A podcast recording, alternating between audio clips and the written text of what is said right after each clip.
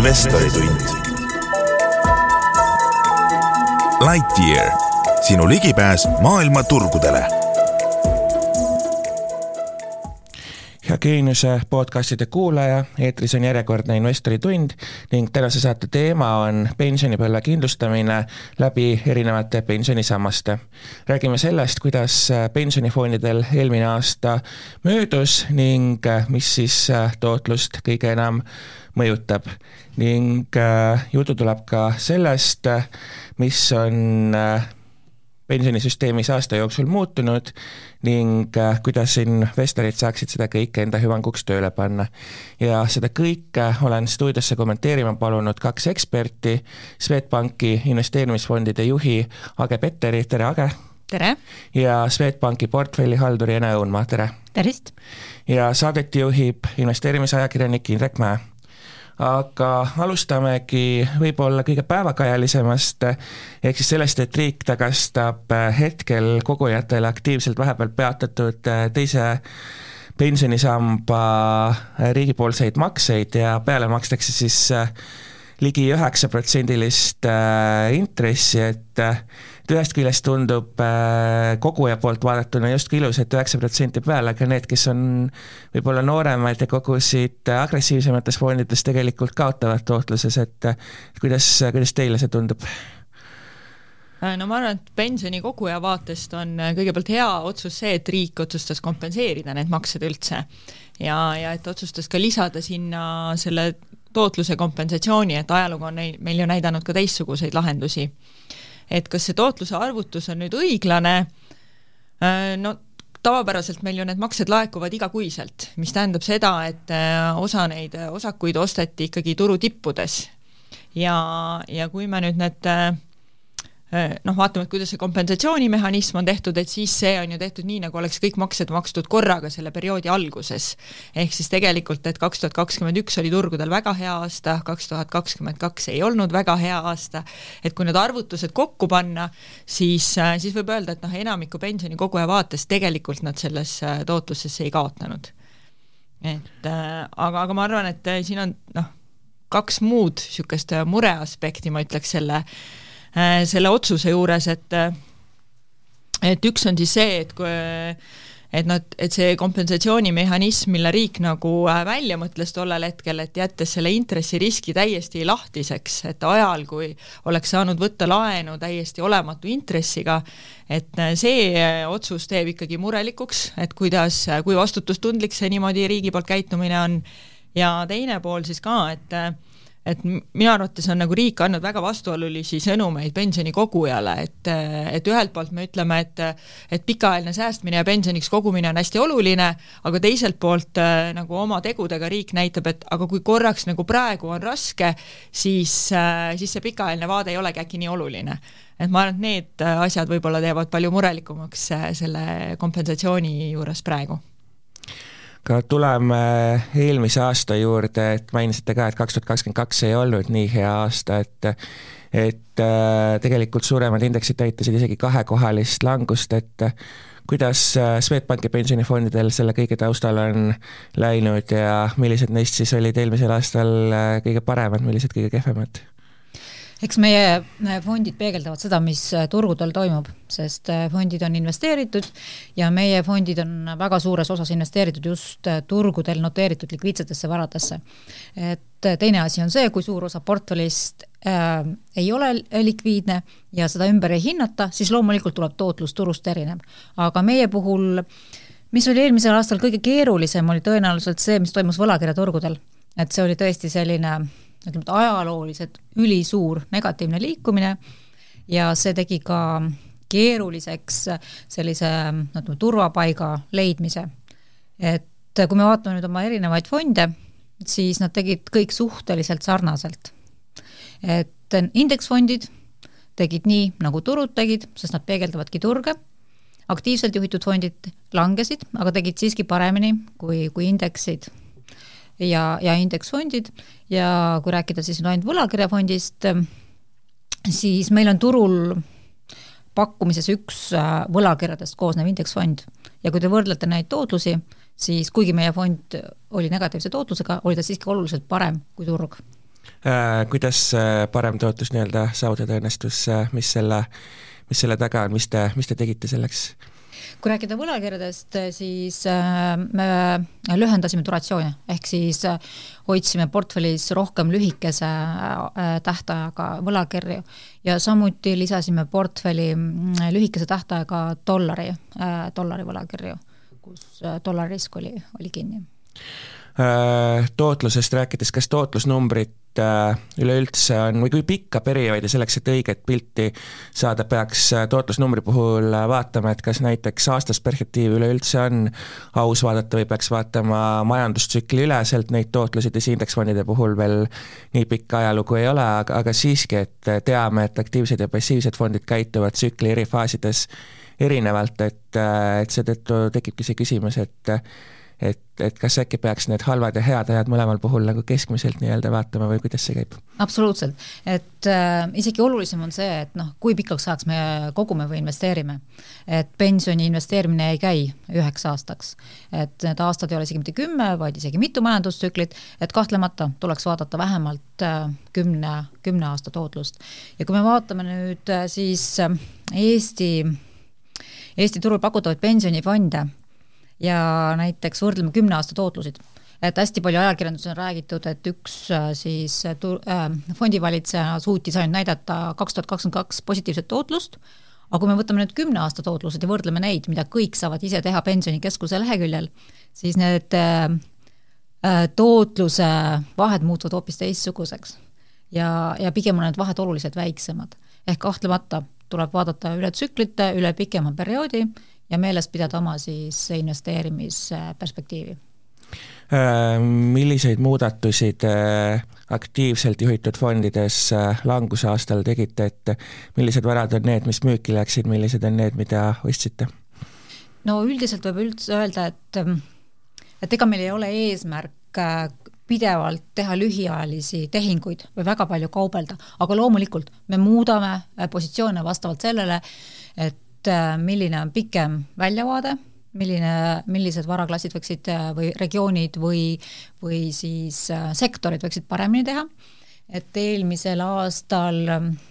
kui puhkes sõda, mis kahtlemata oli kõigi jaoks, vähemalt enamiku inimeste jaoks täiesti ootamatu sündmus, siis me lisasime oma portfellidesse varaklasse Äh, mis võidavad sellisest ebakindlast olukorrast mis toimus äh, toorme- ja energiaturgudel. et äh, lisasime materjalidega seotud aktsiakorve, samuti põllumajandussektorit, et need kaks olid sellised, mis olid siis seotud konkreetselt sellega, mis, mis toimus maailmas. Ja võib-olla lisaksin ka, et ühe muudatuse, mis me eelmisel aastal oma pensionifondides tegime ka, et me muutsime teise samba fondid elutsükli fondideks ja, ja selle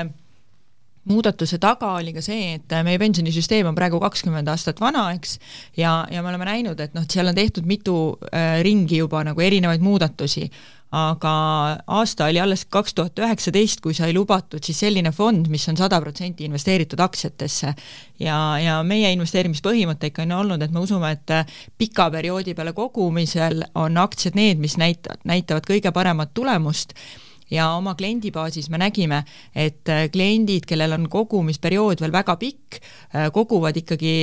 palju konservatiivsemas fondis või, või palju väiksema aktsiariskiga fondis, kui nad võiksid. ja, ja selle muudatusega me muutsimegi siis ära sellise äh, noh, nagu lihtsa valiku tegemise kliendile, et, et kes ei taha ikkagi väga aktiivselt ise osaleda nende otsuste tegemisel, et nad saavadki valida siis ühe korra vastavalt oma vanusele selle fondi ja fondi juht on juba siis see, kes juhib seda aktsiariski seal fondis vastavalt sellele, et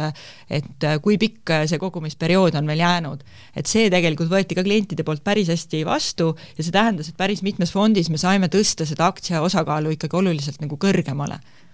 aga selle elutsükli fondi kohta veel küsikski täpsustavalt, et eks ma ei tea, tuleb teie juurde kahekümne viie aastane inimene, palub, et, et tahan liituda elutsükli fondiga, siis kuidas need aktsiate ja vähem riskantsemate varade osakaalud seal nii-öelda muutuma hakkavad, et kui ta on kolmkümmend viis, palju tal siis midagi on, kui ta on nelikümmend viis ja nii edasi või mis põhimõtte alusel see toimib? Kui on kahekümne viie aastane inimene, siis me eeldame,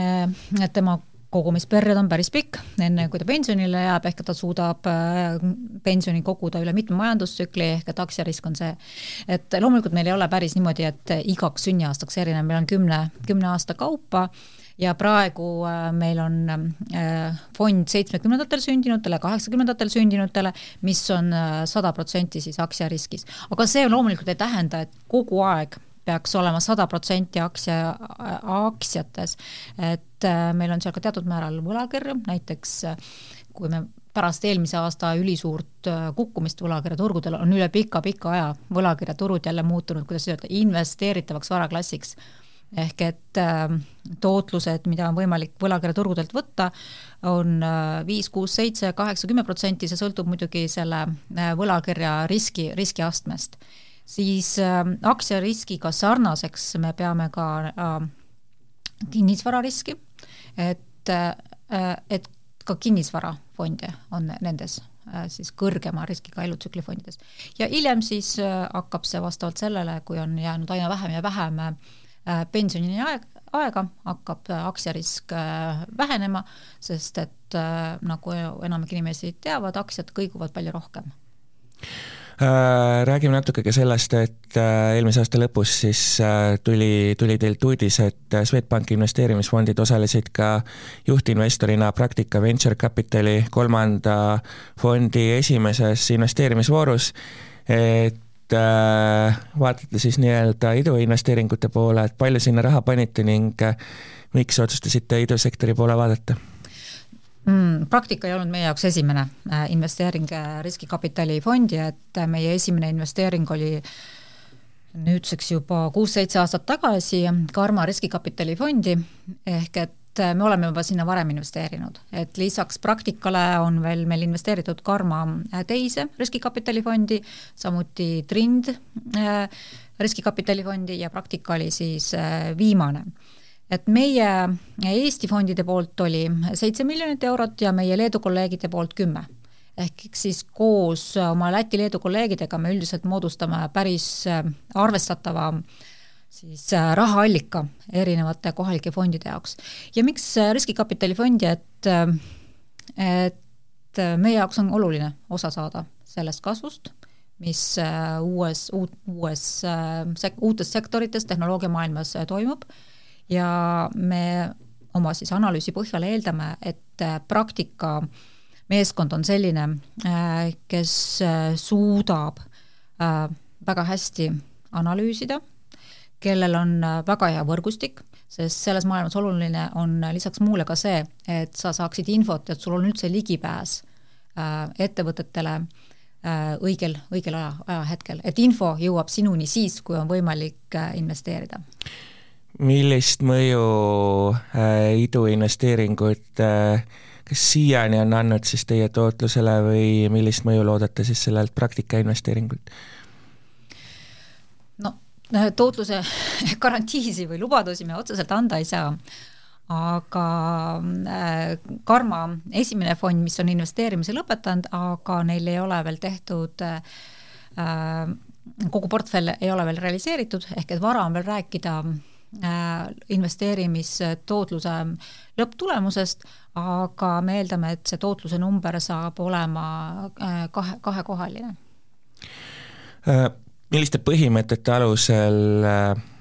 teie eeldate või valite neid fonde või et või noh, tähendab, mida te eeldate nendelt fondidelt, et milliste põhimõtete alusel nad peaksid valima siis iduinvesteeringuid, et küsin seda sellepärast, et tegelikult turul on ka neid äh, investoreid, kes eelistavad ise endale iduinvesteeringuid erinevate platvormide vahendusel vaadata, et siis ma küsingi nii-öelda professionaalsete ekspertide käest, et äh, mis on teie jaoks need kriteeriumid, mis mis siis äh, varajases faasis ettevõtete hindamisel nii-öelda võib-olla määravad on meie valime eelkõige fondi meeskonda, et meie ei lähe ise üksikuid äh, iduinvesteeringuid äh, tegema ega valima, see tegelikult äh, on suur töö. et see ei ole päris nii, et ma loen nagu lihtsalt uudist ja, ja lihtsalt arvan midagi. et meiepoolne ülesanne on eelkõige leida välja siis parimad meeskonnad, kellesse me siis usume, et nad oma Äh, ühise koostöö, oma võrgustike, oma kogemuste alumise, alusel suudavad kokku panna hajutatud portfelli. et äh, me, me ei ootagi, et kui me võtame riskikapitalifondi portfelli ette, et siis kõik investeeringud seal äh, siis üksikult äh, selles riskikapitalifondi portfellis saavad olema plussmärgiga. et see käib juba selle sektori juurde, et osa, osa investeeringuid ei näita positiivset tootlust, kuid portfell tervikuna näitab. ehk et me investeerime meeskonda, nende teadmisesse ja, ja hajutatud äh, portfelli. millal on üldse äh, iduinvesteeringuteks äh, õige aeg, et teame, et täna on kapitali kaasamine igal juhul idufirmade puhul idu, idufirmade puhul keeruline, et laenukapital on kallis, ilmselt ka nii-öelda omakapitali kaasamine on kallis, et et kuidas te täna investeerides teate, et et nad suudavad oma runway'sid pikendada ja nii edasi ja nii edasi? me arvame, et äh, investeerimine äh, peaks toimuma läbi kõigi tsükli faaside, et äh, ei saa öelda, et, et investeerima siis äh, peaks ainult äh, ütleme siis, siis kas, kui turg on kõige soodsam või kõige halvem, sest et äh, seda, äh, milline see faas äh, edukuse mõttes saab olema, saame teada tagasi vaadates. aga kui vaadata seda riskikapitaliturgu, siis ähm, ma arvan, et pigem see, mis on toimunud nüüd viimase aasta jooksul, on pigem meie jaoks positiivne ja, ja ka kindlasti tervendav. et kuna meie läbi siis nende riskikapitalifondide oleme ostupoolel, siis meie jaoks on kindlasti äh, olukord muutunud äh, soodsamaks sest äh, teatud määral natukene ikkagi suunda näitab ka riskikapitali see, mis toimub äh, noteeritud turgudel tehnoloogiasektoris, kus äh, hinnad on tulnud oluliselt allapoole, rahale on tekkinud hind, mis on ka väga positiivne, ehk et see sunnib kõiki, nii investoreid kui ka neid riskikapitaliste ja ka idufirmade asutajaid rohkem mõtlema sellele, et üks asi on kindlasti ideede loomine, aga te, teine ka see, et äh, et rahal on hind, mis tuleb äh, tagasi teenida. kui me vaatame nüüd sektorit üldiselt, siis nii Euroopas kui USA-s on väga palju riskikapitalifondidel nõndanimetatud dry powder'it ehk et neil on raha. et ähm, praegu ei ole, ei ole näha, et parimad, äh, parimad ideed või parimad ettevõtted ei saaks kapitali ja rahastust, ma ei usu, et, et ähm, idusektor või tehnoloogiasektor kui selline nüüd on sellepärast surnud, et meil äh, rahale on taas tekkinud hind ja, ja noteeritud turud on liikunud äh, tei-, teise kohta. Äh, pigem ma arvan, on see see, kus terad eraldatakse sõkaldest, kus tehaksegi pigem vaadates nüüd järgmist kümmet aastat võib-olla parimad investeeringud investori mõttes et ka need kõik riskikapitalifondid, et need ei ole ühe-kaheaastase perspektiiviga, äh, nendel on üldiselt investeerimisperiood on viis aastat, mille jooksul nad siis äh, ma ei liialda, kui ma ütlen, et vaatavad läbi tuhandeid, tuhandeid erinevaid äh, võimalusi ja tootlus võiks siis tagasi tulla järk-järgult pärast seda kümne-kaheteist aasta jooksul. Arvestades, et Funderbeami kaudu jaeinvestorit enam iduinvesteeringutele ligi ei lasta, et et äh, selle taustal, kas siis see jaeinvestor peaks olema nagu väga kurb või peakski vaatama fondide poole, et mis on äh, fondide kaudu investeerimise eelis, et äh, nii-öelda ise, ise investeeringute otsimise ees ja, ja võib-olla ka puudused? no eks äh, fondide põhiline eelis ongi see, et riskid on hajutatud, et su portfell on hajutatud, et sa ei sõltu siis sellest ühe konkreetse ettevõtte edust, et et kui me ikkagi vaatame seda idusektorit, siis äh, see ei ole nii lihtne öelda, et milline neist on siis võidupilet ja lisaks sellele, et isegi kui meeskond on väga hea ja ka idee on väga hea, siis äh, tulevad ju teised veel faktorid mängu, et äh, mis on antud hetkel äh, selle idee või ettevõtte konkurents, milline on ajastus, et seal neid mõjureid on väga-väga palju, mis teevad need investeeringud väga riskantseks. et mina leian küll, et, et sellisel jae- või investoril on oluliselt ähm, perspektiivikam investeerida idusektorisse läbi fondi. teine asi on see, et kas meil on turul üldse pakkuda see äh, äh, riskikapitalifondi jaeinvestorile, et et praegu minu meelest on pigem olnud juurdepääs sellistele fondidele ainult jõukamatel eraisikutel, kelle mm, minimaalne investeeringusumma on suurem ja see on seotud just selle siis teadlikkusega ja ka mida siis see investeering ühe isiku jaoks võiks, võiks, võiks tähendada. et, et kas eraisikul peaks üldse olema selline võimalus, noh, see on alati niisugune maitse küsimus. no fondid, äh, üks, äh, üks suur eelis on ka see, et saad sealt hästi-hästi äh, hajutatult neid võtta, et võib-olla eraisikuna või jaeinvestorina seda nii palju suudaks, et riskid on nagu maandatud, et millised kulud niisuguse riskimaandusega kaasnevad, kui, kui palju näiteks, kui teie vahendusel investeerida idudesse siis läbi nende fondide, mis sinna milles seal nii-öelda osalus on, et millised kulud kaasnevad, palju ma pean haldustasuks maksma ja nii edasi? meie pensionifondid äh, investeerivad riskikapitali fondidesse äh, ja nende puhul on olnud haldustasu kaks kuni kaks pool protsenti aastas. Äh, kohalikest investeeringutest veel, et räägime natuke ka Balti börsidest, et Tallinn, Vilnius, Riia, kui suurt potentsiaali siin, siin lähiajal näha on, kui palju võiks sealt leida, leida häid investeerimisideid pensionifondide jaoks? meie pensionifondid on juba investeerinud Balti, Balti börsidele noteeritud ettevõttesse, kõik meie pensionifondide investeerimisraportid on avalikud ja neid on võimalik vaadata meie kodulehelt. Ja täna on meil läbi erinevate pensionifondide investeeritud Balti börsidel noteeritud ettevõtetesse üle neljakümne miljoni euro. et ma arvan, et seda ei olegi üldse nii, nii vähe. Ja eks ähm, ka siin ei ole e-, meie eesmärk ähm, kaubelda Balti börsidel, ma arvan, et meie positsioonid esiteks on liiga suured selleks, et, et teha mingeid lühiajalisi tehinguid, vaid me investeerime ettevõtetesse, milles me näeme pikemat perspektiivi, on see siis viis-kümme aastat, äh, see sõltub, et eks me jälgime ju kogu aeg, mis nendes toimub. et kas see investeerimisidee, mis algselt oli, on jätkuvalt olemas mõni Balti börsiettevõte, kus teil on äh, suuremad positsioonid? meil on, ähm, äh, kui me vaatame nüüd meie enda Balti äh, ettevõtete portfelli, siis meie suuremad investeeringud on tehtud Enefit Greeni, Ignitisesse, Tallinna Kaubamaja, LHV Grupp. mida saaksid kohalikud kapitaliturud teie hinnangul äh, ära teha selleks, et veelgi rohkem äh, pensionifondide jaoks atraktiivsemaks muutuda, et äh, et veelgi rohkem siia, siia raha toodaks? No nagu Ene ütles, et tegelikult äh, ei saa öelda, et siin ju pensionifondide raha ei ole, et kui nüüd võtta need noteeritud turud ja, ja mitte noteeritud äh, instrumendid, et mis meil siia Baltikumi kõik investeeritud on, et siis noh, meil on siia investeeritud kolmsada miljonit eurot, et ma arvan, et see on päris äh,, päris suur summa.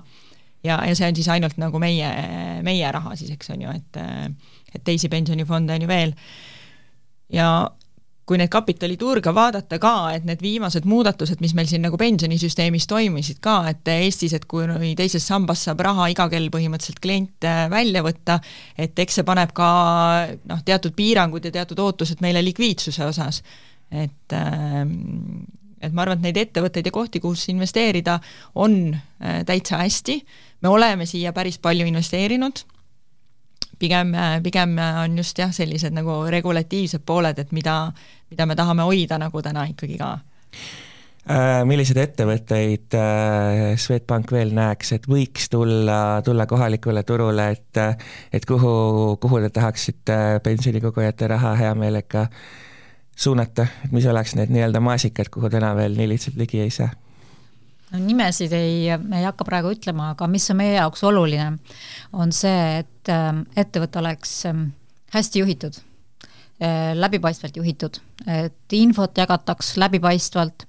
et finantsaruandlus oleks äh, läbipaistev ja kvaliteetne. Ja noh, loomulikult siia juurde tulevad siis ettevõttepõhised asjad, et, et oleks perspektiivi nii sektoril kui ka ettevõttel endal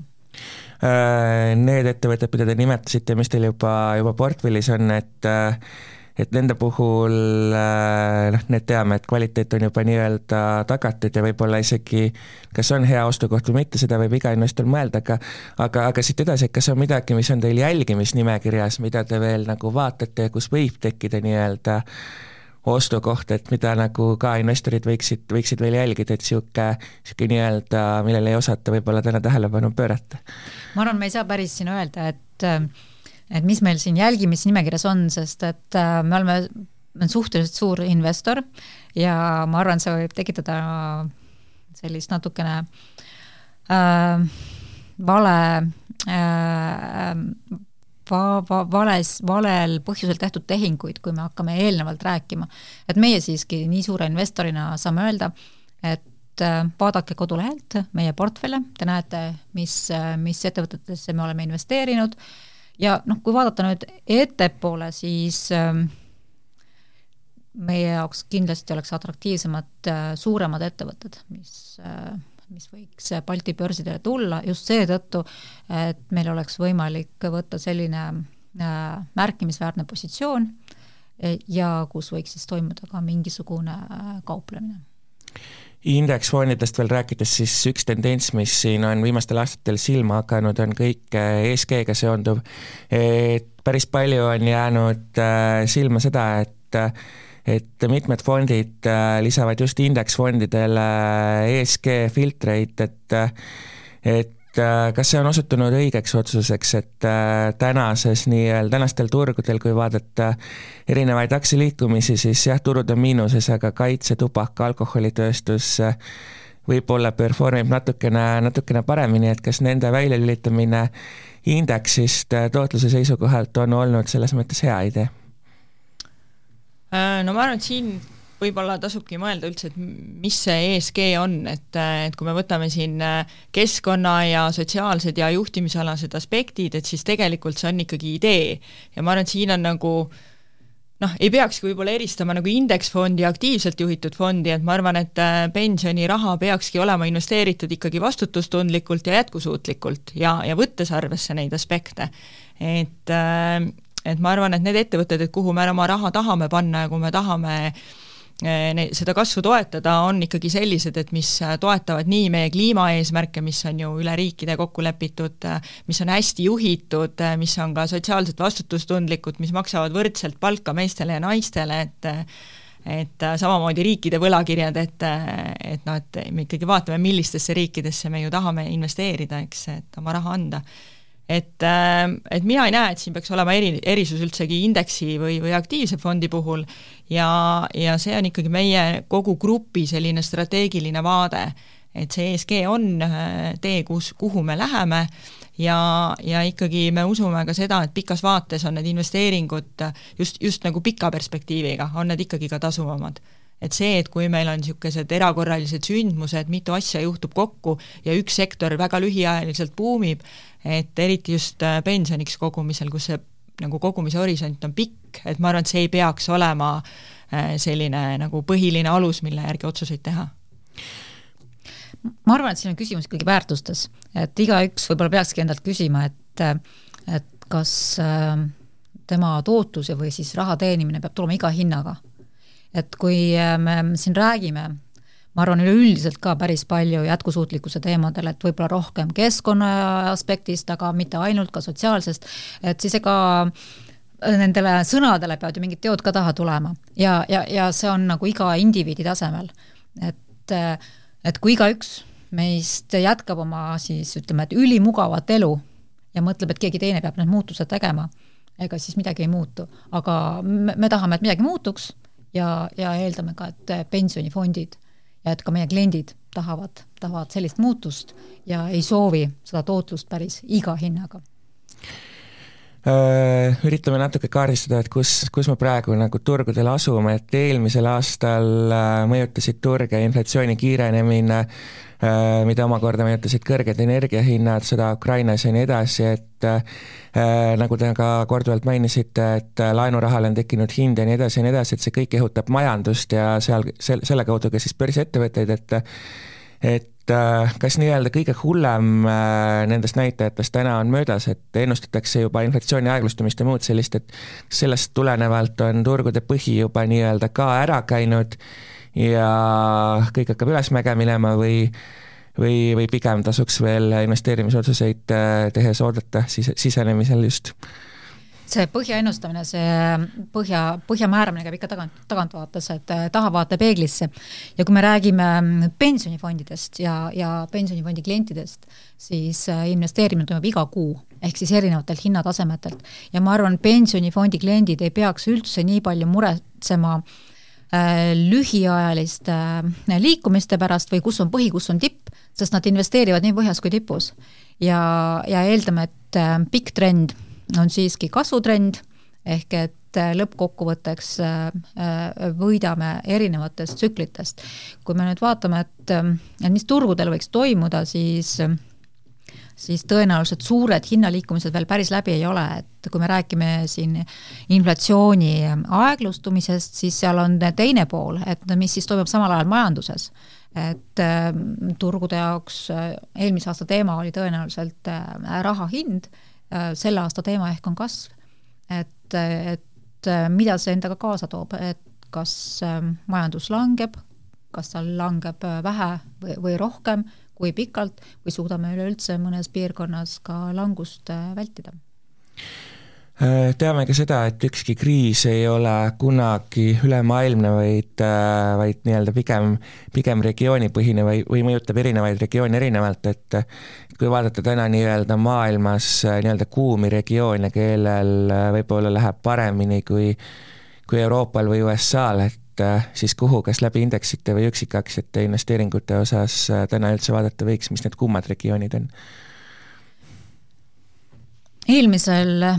aastal oli tõenäoliselt kõige ootamatum sündmus oli Ukraina sõda ja see mõjutas päris palju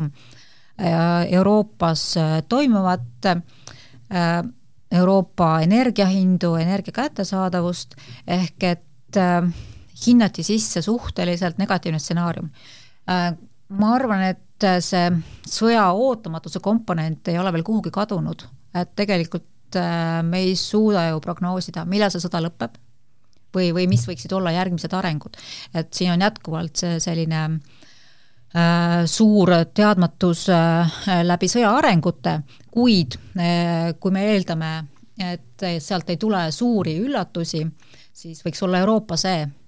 mis, mis võiks olla jooksval aastal eh, suhteliselt huvitav, sest et Euroopa on suutnud eh, energiakriisiga palju paremini hakkama saada, kui sõja alguses ennustati. Ja kuna turud on ettevaatavad, siis hinnati sisse päris negatiivsed stsenaariumid, aga täna, kui me vaatame äh, Euroopa ettevõtete tulemusi, äh, börsidel on noteeritud väga palju panku, intressikeskkond on pankade jaoks väga soodne, kahtlemata jahtuv majandus võib äh, ja suurendabki krediidikulu, kuid tänasel päeval on väga tõenäoline, et see tõusnud intressidest, intressidest saadav tulu kompenseerib selle ja enamgi veel. Ehk et Euroopa võiks olla üks selline koht. teine on arenevad riigid mis alustasid oma intresside tõstmise tsüklit äh, palju varem kui USA või Euroopa. äh, ja on, on oma äh, siis raha hinna kõveras natuke teises faasis, natuke eespool. Lisaks ähm, on viimase paari kuu jooksul dollar odavnenud päris palju, mis on samuti soodne arenevatele riikidele, sest tihtipeale on nendel oluline osa laenudest on, on, on dollaris. Lisaks mõjutab see nende jaoks ka toormete, toormete hindu, siis võib-olla äh, Hiina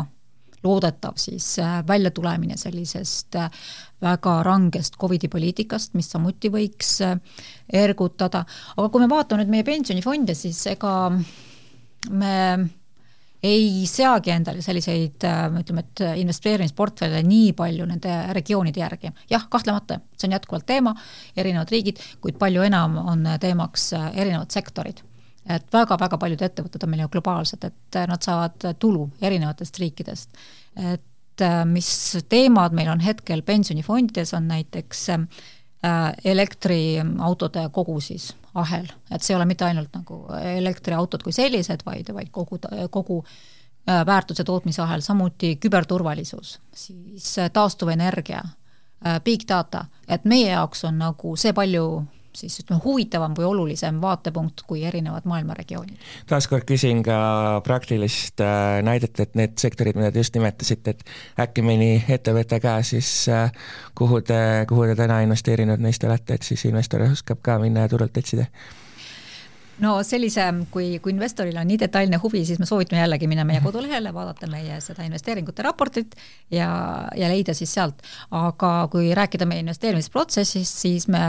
valime, analüüsime välja erinevad teemad ja meil on siinkohal on väga palju abiks see, et me oleme suures Swedbank grupis ja me kasutame mudeleid, mis siis iga teema alt otsivad välja need kõige kvaliteetsemad ettevõtted Äh, üks äh, muudatus, mis, äh, mis on nüüd vastu võetud ja ja varsti jõustumas, on see, et teise sambasse saab inimene praeguse kahe protsendi asemel panustada kuni kuus, ehk siis valida kas kaks, neli või kuus, et et kuidas teie seda, seda muudatust vaatate, et kui nüüd keegi suurendabki kahelt kuuele omapoolse panuse, et et kui suure pensionilisa see oma panuse suurendamine talle pensionieaks annab, eeldame, et tegemist on siis noore inimesega? Äh, jaa, no see muudatus on kindlasti väga hea muudatus, et äh, et siin on noh, investori jaoks ma ütleks, et sellised nagu võib-olla kolm äh, väga head aspekti juures, et et esiteks on see teise samba kogumine automaatne, see on regulaarne ja see on maksuefektiivne, ehk siis et need maksed tehakse ju äh, brutopalgalt. ehk siis see võimalus panustada sinna ise ka rohkem, et äh, see väga hästi toetab pikaajalist äh, kogumist. üks võib-olla selline noh, nagu tasakaalustav pool, mida me näeme, et siit puudu on, et, et seda paindlikkust on tehtud nagu selles süsteemis ainult nagu ühele poole, et äh, teisel pool on sellist paindlikkust väga vähe, et äh, et kui nüüd uue aasta lubadusena keegi mõtlebki, et hakkan nüüd rohkem investeerima ja, ja paneb kohe julgelt selle kuus protsenti sisse, aga näiteks märtsiks on selgunud, et oi-oi, et kuus protsenti oli ikkagi liiga palju, et ma ei tule sellega toime, siis see muudatus saab olla ainult kord aastas. ja, ja noh, mida me natukene nagu noh, ma ei tea, võib-olla kar-, ei, ei karda otseselt, aga me näeme, et siin on selgelt vaja teha nagu selgitustööd ja klientidele anda niisugust nagu abivahendit, et välja arvutada, mis see tema jaoks tähendab, on see, et, et kui ta siis näebki, et see on liiga palju, siis põhimõtteliselt ainuke võimaldus, paindlikkus selles süsteemis on see, et ta võtab kogu oma raha sellest pensionist välja, on kümneks aastaks sellest eemal ja, ja peab ise vaatama, kuidas ta hakkama saab, et et mulle tundub, et see et ühelt poolt on meil nagu väga head otsused ja väga head muudatused, mis toovad paindlikkust juurde, aga noh, teiselt poolt on ikkagi sellist nagu riski ka veel natuke liiga palju selles süsteemis ehk siis äh, lahendus võiks olla see, et kui inimene näeb, et ta on liiga palju panustanud, et siis ta ei pea kõike korraga välja võtma, et ta saaks võtta ka jupikaupa, et kümne, et kümne aastaks ei peatuks talle see kogumine, mis veel. no ma arvan, et esimene võimalus, mida me tegelikult ka ettepanekuna tegime siis äh, kõigi turuosalistega, oleks see, et me saaks neid vahetada samamoodi, nagu täna käib osakute vahetus, et kolm korda aastas. et siis ei tule see nagu liiga suure šokina võib-olla, aga ma arvan, et kõige olulisem ikkagi, millest me natuke alguses ka rääkisime, on see, et et ka riigi poolt meil võiks olla ikkagi rohkem tuge ja abi ja sellist nagu selgitust ja finantskirjaoskuse parandamist ja, ja tarkust, et päriselt iga inimene saaks oma äh, nagu kogutavate summadega selle läbi arvutada, ta saab aru, mis see tähendab, kui palju see nagu mõjutab äh,, et äh, et me just tegelikult vaatasime oma kliendibaasi ka sisse, et kui äh, aasta sai läbi, et, et mis sealt nagu näha oli. ja kui me vaatasime teist sammast, siis äh, tegelikult seal äh, Äh, tore on näha, et ikkagi enamik kliente jäi ju teise sambasse kogu, äh, kogujaks alles ka peale seda reformi. ja vaatasime, et meil on siis äh, aasta lõpuga oli rohkem kui kakssada kakskümmend seitse tuhat klienti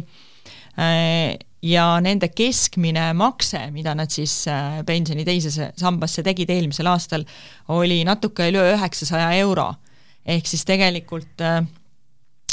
kui nad seda nagu summat tõstaksid, et siis see oleks aastas äh, tuhat viissada eurot kuskil umbes oleks, oleks olnud võimalik, on ju, äh, tänaste tingimuste juures. Ja, ja noh, kogumine, et kui sul on kolmkümmend aastat ikkagi koguda, et, et, et eks see teebki väga suure vahe, olenevalt jällegi, et mis need nagu tootlused on, aga isegi kui me võtame, et palk ei kasva ja tootlust ei tule, et juba siis tuleb see vahe niisugune vähemalt viisteist tuhat eurot kogudes et aga noh, sellist äh, olukorda ma loodan, et ei ole kellelgi, et kolmekümne aasta jooksul palk ei kasva, nii et, et see vahe kindlasti on suurem. et see on väga hea võimalus pluss jah, liitintress on ju võimas relv, et mida, mida pikem see periood on, seda, seda suurema võimenduse sa tänu sellele justkui saad. aga lõpetuseks äh, palun teil äh, teha nii-öelda tänamatut tööd ja veidi ennustada, et kas kaks tuhat kakskümmend kolm, natuke sellest tegelikult ka rääkisime, aga et tuleb kahekümne, kahekümne teise aastaga võrreldes oluliselt parem ja kas pensionifondid lõpetavad selle aasta rohelises? See on tõesti tänamatu töö, aga, aga tõenäoliselt mõned asjad äh, võib siis suurema siis kindluse või tõenäosusega öelda, et et täna ei ole küll äh, põhjust arvata, et võlakirjaturgudel, turgudel tuleks äh, sama negatiivne aasta sarnaste liikumistega, et siis eelkõige need investorid, kes on fondides, kus on oluliselt enam võlakirju, et need, need võiks küll eeldada, et see aasta kujuneb äh, nende jaoks äh, palju, palju tulutoovamaks, et kui me vaatame enda kõige konservatiivsemat fondi, siis äh, tänasel hetkel on portfelli tootlus tähtajani neli koma kuus protsenti, et et siinkohal muidugi tuleb meeles pidada, et see ongi konservatiivne fond ja et siin ei oodatagi mingisuguseid kõrge riskiga seotud tulususi. Kui vaatame nüüd aktsiaturge, siis, äh, siis äh, pole põhjust arvata, et see tuleb ühesuunaline aasta, et pigem võiksid hinnaliikumised ikkagi jääda suhteliselt suureks. Ja siin tegurid võivad olla erinevad, et äh, praegu vaadatakse, jälgitakse väga pingsalt, et mis inflatsiooniga toimub, et kahtlemata on baas väga kõrge, ehk et inflatsiooni tempo peaks aeglustama, aga jätkuvalt võib olla selliseid komponente või ütleme, et tegureid, mis siin võivad äh, inflatsiooni ootust oluliselt mõjutada, üks on kindlasti äh, Hiina, et kuidas äh, Hiina majandus elavneb, kui palju nad või kui agressiivselt nad tulevad näiteks toormeturgudele, siis kui me vaatame neid inflatsiooni hinnaindekseid niimoodi tükkidena, siis jätkuvalt on seal riskikohaks palgakasv, samuti teenes, teenuste sektor, et äh, mis, mis võivad pakkuda, pakkuda üllatusi, et seda on täna veel keeruline öelda, et, ähm, et kui kaugele keskpangad peavad minema oma intressi tõstmistega. aga jaa, kindlasti üle pika perioodi ma arvan, et on kõigil põhjus olla optimistlikum, sest esiteks on ähm, turgudele naasnud äh, võlakirjade varaklass mis muudab äh, palju tervemaks ähm, ka aktsiaturud, et pikka aega äh, oli, et äh, ei ole teist alternatiivi kui aktsiad. et see oli aastaid, oli selline. aga täna enam see nii ei ole ja kui sul on ähm, siin alles ähm, sellel nädalal näiteks kohalikest investeeringutest rääkides, võlakirjaturg, turg, turgudele tuli Luminori pank seitse kakskümmend viis protsenti, tõenäoliselt on see kaheaastane investeering, et see on, see on alternatiiv, et, et see olukord on väga-väga palju, väga palju muutunud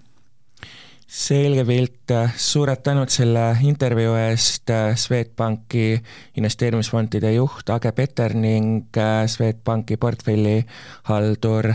Ene Õunmaa. ja investori tund on taas eetris nädala pärast, kuulmiseni